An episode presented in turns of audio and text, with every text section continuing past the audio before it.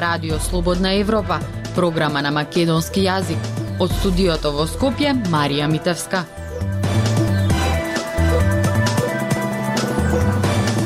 Почитувани во вестите ке слушате. Децата со Даунов синдром на училиште и меѓу врсниците се борат со вкоренети предрасуди, покажуваат искуствата. Дали хакерските напади на владата и на Министерствата за образование и за надворешни работи се лажни или станува збор за слаби информатички системи. Интервјуто со професорот Ѓоргиев од Историската комисија и преговорите за минимална плата најкоментирани теми на Радио Слободна Европа. Останете со нас. Независни вести и анализи за иднината на Македонија. На Радио Слободна Европа и слободнаевропа.мк. Случајот со 11 годишната Имбла Дими која беше одвоена од соучениците, бидејќи има Даунов синдром, го покрена прашањето за образовната инклузија во државата. Дауновиот синдром е состојба, но не мора да биде пречка, коментираат нашите соговорници. Прилог на Јасмина Јакимова. Кога во далечната 1998 година почна инклузијата на децата со посебни образовни потреби, Александар Матовски цако тргна на училиште.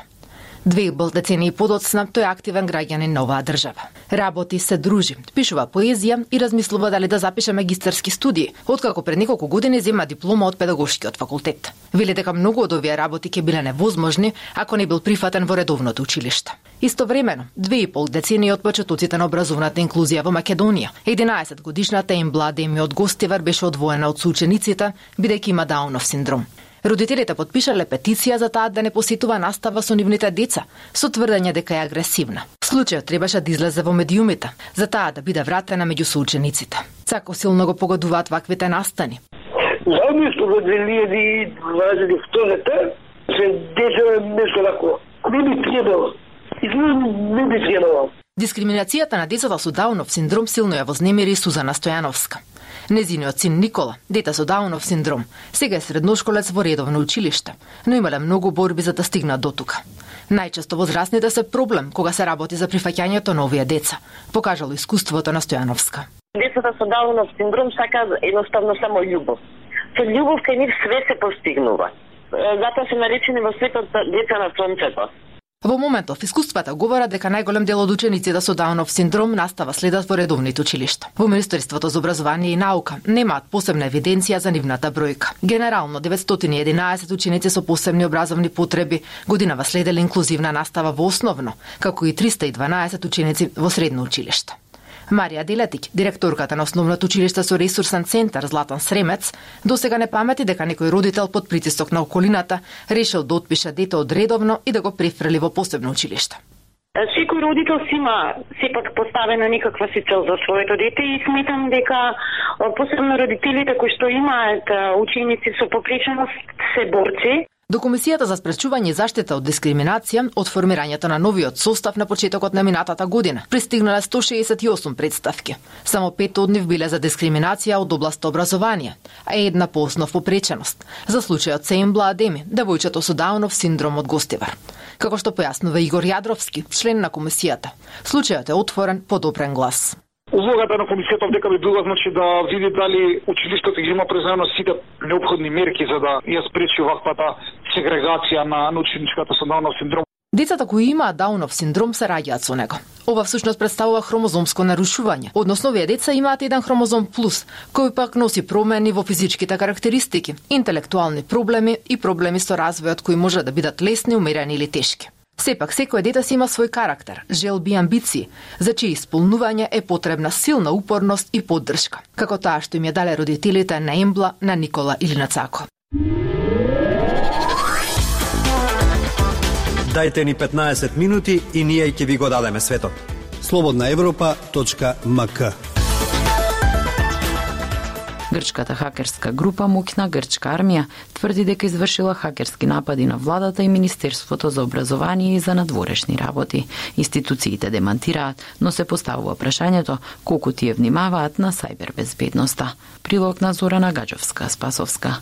Веб страните на Министерствата за образование за надворешни работи на влада како и на Народната банка во изминативе три недели биле жртви на хакерски напади, тврдат на социјалната мрежа Твитер луѓе кои се представуваат дека се дел од грчка хакерска група Моќна грчка армија. Во нивната објава се тврди дека од 23 јануари па до 5 февруари оперирале низ сајбер системите на македонските институции. Нешто што македонските институции го демантираат. Министерството за образование тврди дека станува збор за лажни вести, однос односно дека нината веб страна не била жртва на хакерски напади, дека си функционира без прекини, дека снимките што преку Твитер синека беа објавени за наводен упат на хакери од Грција не се од просториите на објектот на министерството. Апелираме до граѓаните да не наседнуваат на спекулации и да бидат спокојни по однос на прашањето за заштита на личните податоци со кои располагаме за ученици, студенти, наставен кадар и слично, се вели во соопштението на Министерството за образование и наука. Вчера група хакери именувани како моќна грчка армија преку социјалните мрежи објавија дека влегле во компјутерскиот систем на македонското министерство, при што дури беа објавени и снимки од наводно во живо влегување во објектот на министерството преку безбедносните камери инсталирани во зградата. Информатичарите со кои разговараше Радио Слободна Европа велат дека според снимките и сликите кои беа објавени, можно е да станува збор за послаби дост напади кои брзо се откриваат и блокираат и при тоа не прават голема штета. Но дали на вистина се извршени или станува збор за лажна објава, може да потврдат само надлежните кои имаат пристап до системот. Од друга страна, пак македонските институции не можат да се пофалат со високо ниво на сајбер безбедност и добра информацијска структура, велат информатичарите. Божидар Спировски, кој има повеќе од 20 годишно искуство како инженер, раководител на технички тимови и тимови за информацијска безбедност, веле дека тешко е однадвор како наблюдувач да се укаже на слабости внатре во системот. Но да се каже колку некоја институција во моментот има добра поставеност, на безбедност. Тоа е исклучително тешко од. Многу работи најчесто се, се, се дознаваат во јавноста само после инцидент. Тоа е да речеме едно проклетство на нова професија. Кога нема вести, тоа е добрата вест. Кога има вести, тие се секој пат лоши. Минатиот месец два дена беше падната веб страната на услуги gov.mk, кој воедно се користи како основа и за логирање на вакцинација МК, најпопуларниот владин сајт во изминативе две години поради пандемијата.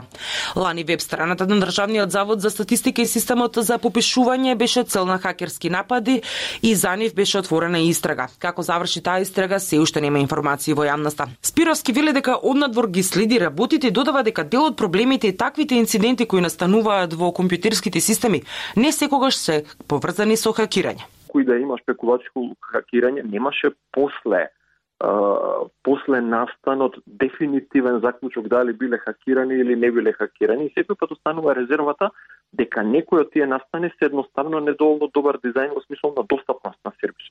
Бил преоптератен и се срушил. Се случува, верувајте, многу често. Тој објаснува дека институциите и државата треба да го земат како ова како еден од своите приоритети, а тоа е подобрување на инфраструктурата и достапноста на системите и апликациите. Слободна Европа Следете на на Facebook, Twitter и YouTube. Најбројни коментари на објавите на Facebook страницата на Радио Слободна Европа во изминатите 7 дена имаше на интервјуто со професорот Драги Ѓоргиев од Историската комисија, како и преговорите за минимална плата, што коментираат читателите повеќе од прегледот на Горица Попова. Синдикатот и работодавачите не се договорија за покачување на минималната плата и Сојузот на синдикати го повика членството да излезе пред собранието во четврток, кога пратениците треба да гласаат за законот за минимална плата. Радио Слободна Европа ги следеше средбите и по неколку информации еве ги коментарите на нашата Facebook страница. Ана Јакимова вели, ако блокираат, ќе одат на биро за вработување. Во криза не е време за штрајкови. Зоран Кочовски има друго мислење. Пратениците на позицијата и опозицијата најостро ќе го отфрлат законот, затоа што 90% од работодавачите се они. Јасен Видов пак смета дека преговорите се смешни бидејќи минималната плата е законско решение, што значи собранието, односно пратениците се тие што ќе кажат дали ќе има поголема минимална или не. Синдикатите и работодавачите не важат кога со закон се регулира, да не се лажеме. Но некои наши посетители се чини ја гледаат и другата страна на паричката, па Божо Веселиновски подсетува, владата на СДСМ била и ќе остане со работниците. Само вие од Сојузот на синдикатите престанете да им верувате на ВМРО. А Тони Велков напишал, едните ги финансираат другите за време на кампањи, а после преку нив перат пари и делат тендери на истите тие тајкуни, а не работодавачи. Неделното интервју на Радио Слободна Европа е со професор доктор Драги Георгиев, подпредседател на Мешовитата Македонско-Бугарска комисија за историски прашања. Тој покрај другото смета дека Бугарија не сме можеле да ја дефинираме како класична фашистичка земја и предлага комисијата да паузира две години за да се нормализираат односите помеѓу двете земји. Димитар Делевски веднаш коментирал, тоа значи две години замрзнување на преговорите со ЕУ. Боро Поповски со мислење, ово е едно денес, друго утре, нема став како му свират така игра. И коментарот го завршува со навредлив збор. Лиле Бошевска напишала, со кого беше Бугарија сојузник во Втората светска војна? Со фашистичка Германија која не го негира тоа. Култура и уметност. На Радио Слободна Европа. Овој петок на 11 февруари во 20 часот во Филхармонија ќе се одржи концертот насловен француски багнеш. Со оркестарот ќе диригира Джиан Емин, а солисти ќе бидат членовите на француското трио Ана Кап, чија музика е на програмата. Нивни гости се сонародниците Оливие Самулијан на виола и пеачката Бети Жарден. Повеќе од Лјупчо Јолевски. По скоро две години од нивниот исклучително шармантен концерт во Каменната сала на Филхармонија во Скопје и во Македонија, еве ги повторно Ана Кап Трио. И повторно Пиер Милена Труба, Мануел Декок на виолин и хармоникашот Жан Мишел Трото, ке ги видиме и чуеме со речеси истите соработници. На сцената и во изведбата на нивната авторска музика, тој преубав микс на ритми и сончевини од различни поднебја. Крај нив ке бидат со народниците Оливие Самолијан на виола и пеачката Бети Жарден, а овој пат со оркестарот на нашата национална институција. Ке диригира маестро Джијан Емин, со кого подамна ги споделуваат авторството и лудилото да се твори овде и сега. Концертот е насловен Француски бакнеш и ќе се одржи во петок на 11 февруари во 20 часот. И кога сме веќе тука, чисто како влез во на што треба да се очекува од Дана Кап Трио и веселата дружина, зборовите на виолинистот Декок кажани во пресрет на првата камерна средба со овдешната публика. Нам ни стана многу важно да не бидеме сериозно сватени. Зошто? Бидејќи музиката е забава. Музиката не смее да биде церемонија, ништо од тоа. Ке рече Мануел,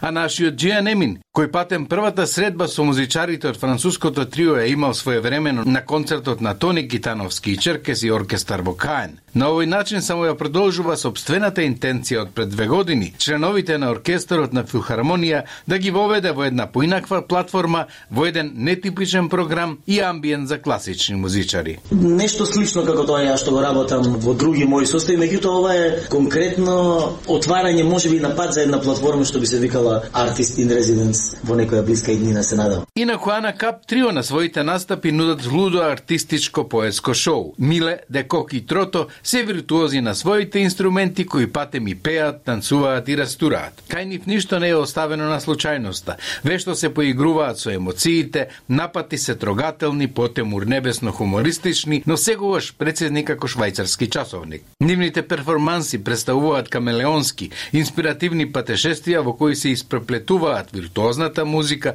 чудесната комедија и дадаистичките песни. Станува збор за тројца извонредни музичари, фасцинантен трубач кој по секоја цена покажува неизвестност, среќен хармоникаш со биполарна тенденција и срамежлив и измачуван виолинист кој се обидува најдобро што може да ја спаси фарсата. Од друга страна, роден 1976 година во Тулус, Оливија Самулијан, откако го завршил конзерваториумот во родниот град, личната наобразба ја продолжил на колежот за музика Беркли во Бостон, Соединетите Американски држави. Покрај неговите интензивни и различни активности како изведувач, Патен, чисто да спомнеме и тоа дека едно време беше член и на нашиот Project Жлуст, тој пишува и музика за филм и телевизија. Бети Жарден пак е француска пеачка која живее во Нормандија веќе 7 години. Најчесто таа ги пишува своите песни, кои ги изведува со различни музичари и групи во Каен. Тоа беше се во вистите на Радио Слободна Европа. Од студиото во Скопје со вас беа Марија Митевска и Дејан Балаловски. До слушање.